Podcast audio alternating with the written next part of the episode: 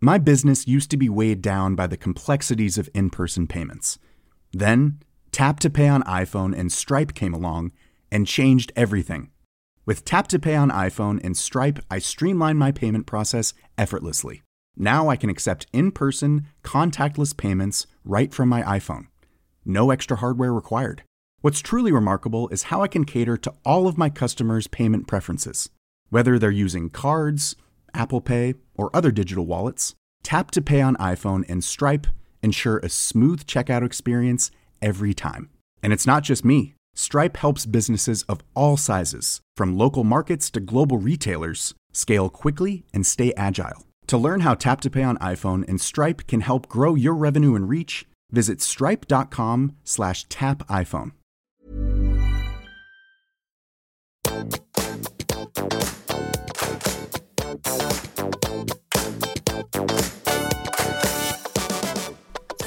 sammen, og velkommen tilbake til podkasten Karriereveiledning med Elaine.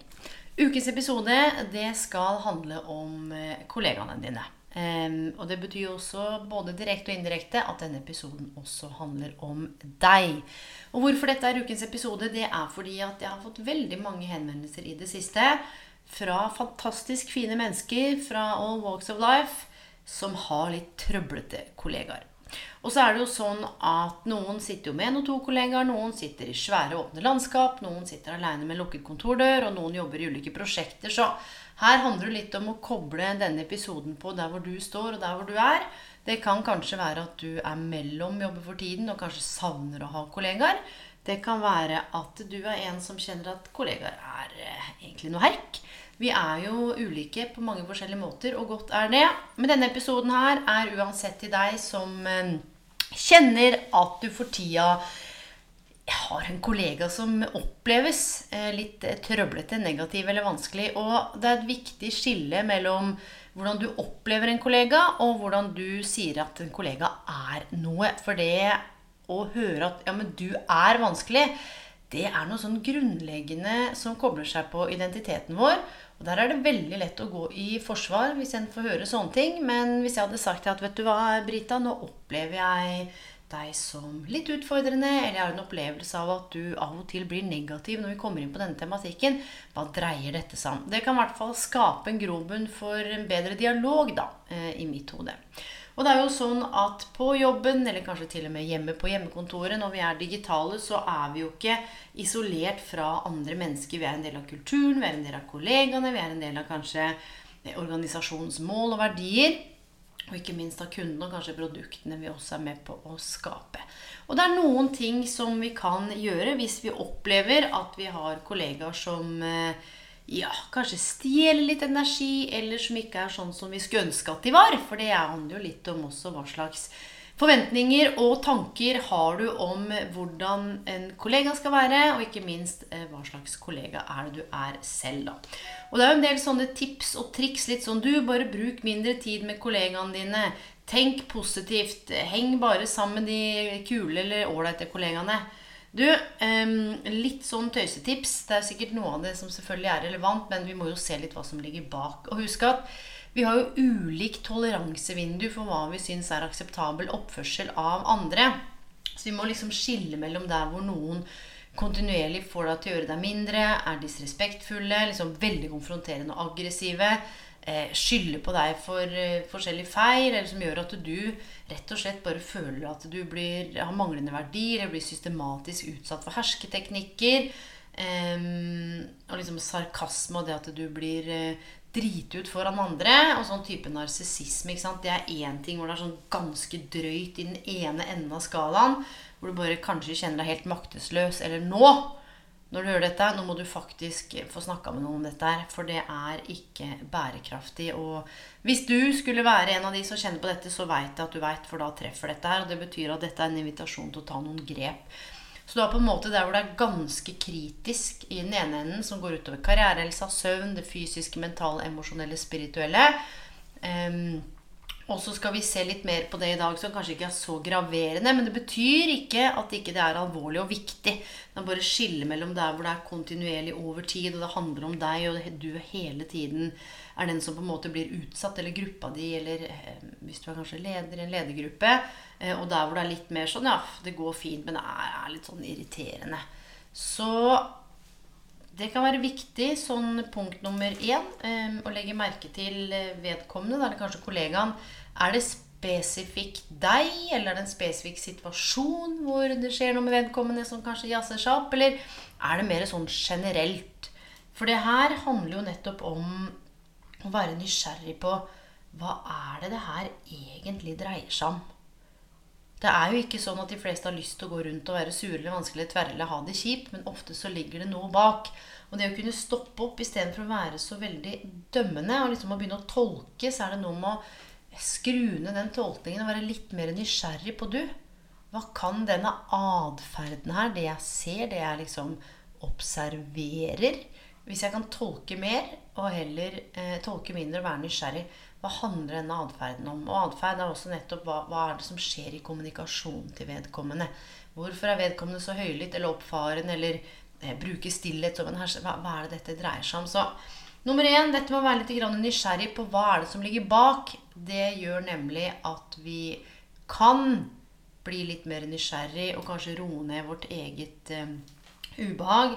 Fordi punkt nummer to, det handler om å reflektere over hva er det dette her trigger i deg.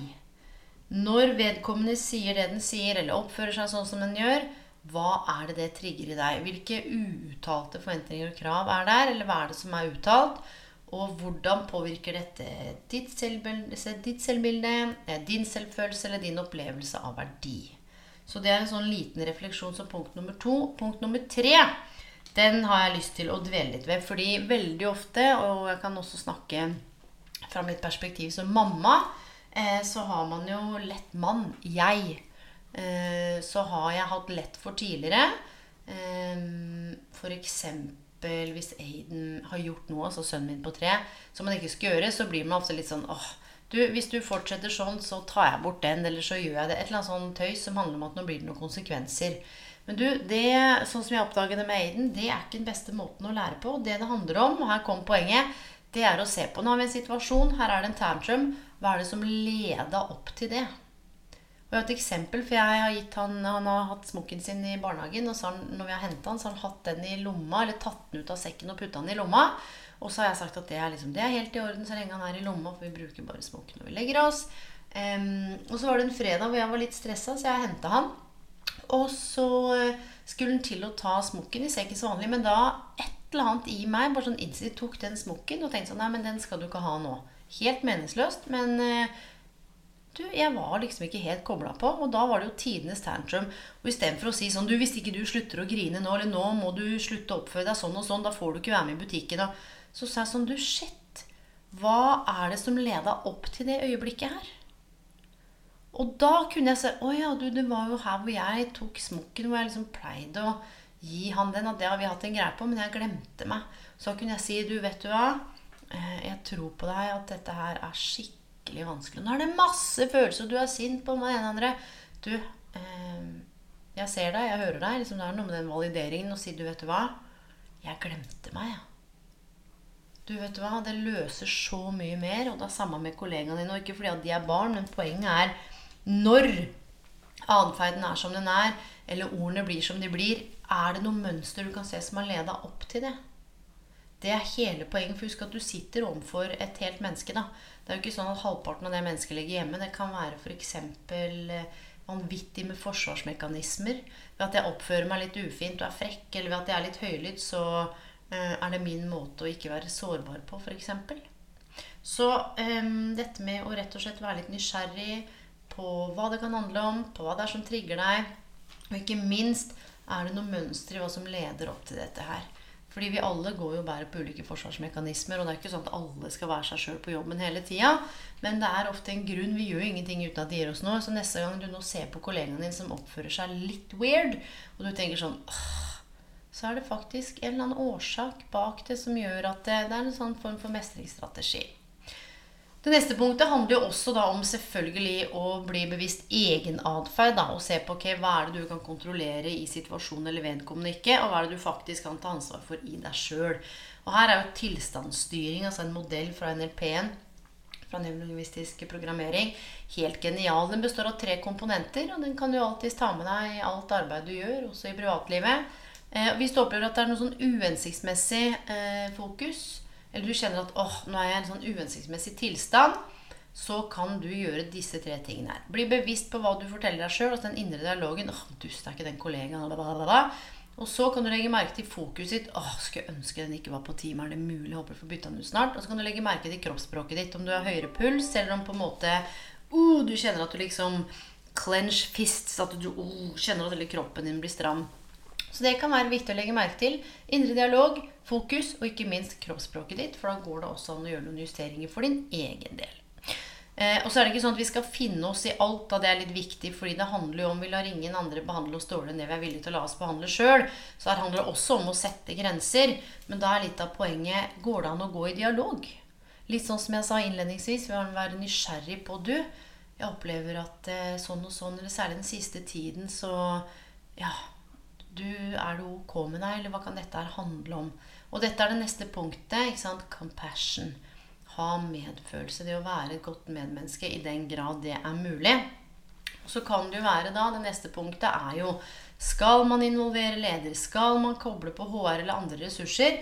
Det får jo være en beslutning en tar kanskje sammen med andre mennesker. Eller hvis du kjenner at du, det her tør jeg ikke ta i så får man jo ta det videre og håpe på at de organisatoriske rammene har et apparat som faktisk tar dette på alvor. Og hvis ikke, så får du si ifra igjen. Og hvis ikke, så må man jo virkelig ta noen andre grep. Det som ikke er spesielt lurt, det er å gå og snakke med kollegaene dine om hvor kjip den andre kollegaen er. For det, vet du det er også sånn som bygger bånd oh, jeg og du, vi liker ikke Rafael fordi han gjør sånn og sånn, han har vært så sur. Og ja, det er vi enige om. Og så skape en sånn felles tilhørighet gjennom å ikke like et annet menneske. Eller gjennom å finne ting å mislike, for det kjennes så innmari godt på en sånn slags eh, community. Og det er sjukt mange som blir viktig i en arbeidskultur og miljø gjennom å gå og spre drit nettopp fordi man blir viktig. Og herregud, har du hørt hva som har skjedd med han Lena? Å ja, ja, det har jeg, du. Nå har jeg fortalt dette til deg. Ikke si det til noen. Det er sånn varsellampe hvis noen kommer til deg og sier sånn Du, jeg må fortelle noe, men ikke si til noen Du vet hun på uh, i den og den avdelingen har gjort sånn og sånn. Da går alle varsellampene mine. Og da må man spørre sånn Du, hva er det som gjør at du forteller meg dette her? Hva skal jeg gjøre med denne informasjonen? Er du helt sikker på at det er sant? Ikke sant? Da må man stille litt sånn kritiske spørsmål. Fordi dette med å bare distansere seg, late som ikke det fins en kollega som kanskje er litt utfordrende, du, da blir det bare verre. Og hør nå, alt henger jo sammen med alt. Så hvis du blir sliten og det syns dette er utfordrende, og du kommer hjem og bruker masse tid på å snakke om den ene kjipe kollegaen din, så er det litt sånn rødt flagg. Da er det viktig å ta noen grep. Og så er det jo sånn at denne medfølelsesbiten, ha den for deg sjøl òg. For det er lov til å bli irritert. Og det er ikke sånn at vi bare skal feie alt under teppet. Det er noe med å sette grenser. Men du trenger kanskje ikke løpe ned kontoret til vedkommende da, hvis du veit at det blir clinch eller er ubehagelige situasjoner. Så kan det jo være at du kan stille deg selv spørsmålet er det noe som helst form for læring her. Er det noe jeg trenger å bli mer kjent med meg sjøl? Kanskje jeg er redd for å sette grenser, er konfliktsky. Kanskje dette her er den lille gaven jeg skal få, sånn at jeg nå må ta denne konflikten eller sette de grensene sånn at jeg kan utvikle meg. For dette her er jo både noe som ligger på individet, men selvfølgelig også på organisasjonen. Og du, gi deg sjøl kred. Gi deg selv kred for at du faktisk har bevissthet nok til å reflektere, til å velge hvordan du skal håndtere det, kanskje ha en strategi, kanskje involvere noen som ikke er kollegaene, som handler om å snakke stygt om noen. Men jo mer du har fokus på hva kan du lære, hva skal til Ikke sånn 'hvorfor havna vi her?' Selv om det er viktig å reflektere over hva er det som leda opp til det. Hva skal til for at vi kommer oss videre, og hvordan kan jeg bidra inn for å løse dette her på egne vegne, eller på organisasjonen vegne, eller kanskje for at vedkommende skal ha det litt mer ålreit på jobb. For det kan jo faktisk være, som du sikkert veit, at jobb og karriere ikke kan isoleres fra andre arenaer. Og det å gå på jobb og ha det skikkelig vondt Noen ganger så kan det komme til uttrykk på mange måter gjennom kroppsspråket vårt, gjennom ordene, gjennom måten vi er med andre mennesker på, uten at vi egentlig mener det. Og av og til vet du hva, så kan det være godt å ha en kollega som kommer til deg, og som faktisk ser deg, hører deg, som gir deg en opplevelse at du betyr noe, uten at det trenger å være noe som er gærent, eller hvorfor gjør du sånn. Men rett og slett det å kanskje gå en tur da, med den kollegaen ingen liker, eller um, Og jeg får et vondt inni meg den kollegaen ingen liker. Men jeg har vært inne i en del store organisasjoner og små organisasjoner. Jobbet mye med kulturutvikling, lederutvikling, altså rett og slett um, teambuilding. Og da er det liksom sånn man, man, er enig om at det er noen som ikke helt sånn det passer inn. Og det er ikke så veldig heldig for verken miljøet eller for organisasjonen eller for individene.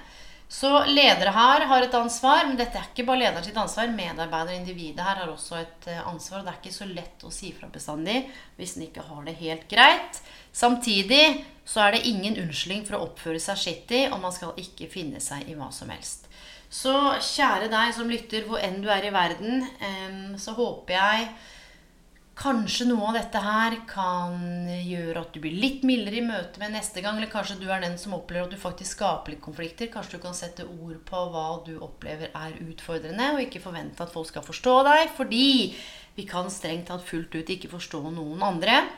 Men det å tørre å være tydelig på hva en forventer, og hvilke krav en setter både til seg sjøl og de rundt seg, Nøkkelen her, eh, og oppskriften på det meste, er altså selvinnsikt. Og dette å være bevisst, og ikke minst da kunne kommunisere det.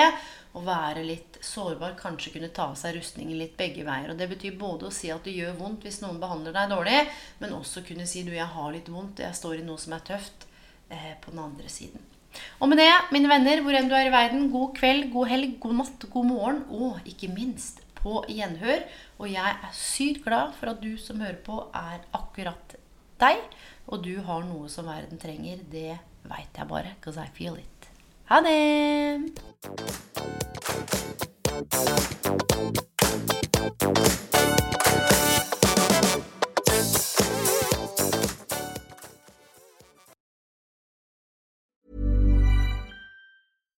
My business used to be weighed down by the complexities of in person payments. Then, Tap to Pay on iPhone and Stripe came along and changed everything. With Tap to Pay on iPhone and Stripe, I streamlined my payment process effortlessly. Now I can accept in person, contactless payments right from my iPhone. No extra hardware required. What's truly remarkable is how I can cater to all of my customers' payment preferences. Whether they're using cards, Apple Pay, or other digital wallets, Tap to Pay on iPhone and Stripe ensure a smooth checkout experience every time. And it's not just me. Stripe helps businesses of all sizes, from local markets to global retailers, scale quickly and stay agile. To learn how Tap to Pay on iPhone and Stripe can help grow your revenue and reach, visit stripe.com/tapiphone. Hold up. What was that? Boring. No flavor. That was as bad as those leftovers you ate all week. Kiki Palmer here, and it's time to say hello to something fresh and guilt-free. Hello Fresh. Jazz up dinner with pecan-crusted chicken or garlic butter shrimp scampi. Now that's music to my mouth. Hello Fresh. Let's get this dinner party started. Discover all the delicious possibilities at hellofresh.com.